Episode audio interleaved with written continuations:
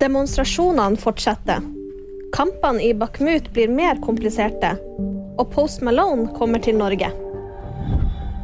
I dag stenger vi ikke bare Olje- og energidepartementet, de andre departementene som deler bygg med dem, og Landbruksdepartementet. I dag stenger vi staten. Tirsdag morgen fortsetter aksjonen mot vindturbinene på Fosen. Aksjonistene varsler opptrapping og vil tvinge statsminister Støre på banen.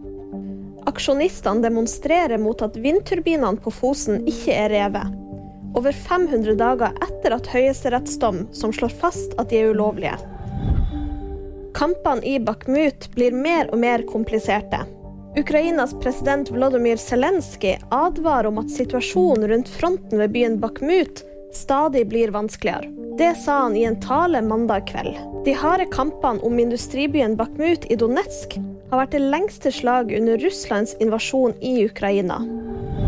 Post Malone kommer til Norge. Den amerikanske superstjernen vil lørdag 22.4 gjeste Telenor Arena utenfor Oslo. Post Malone var i Norge senest sist sommer i Bergen. Artisten er kjent for låter som White Iverson, Rockstar og Sunflower. Det var VG-nyheter, og de fikk du av meg, Live Auskar.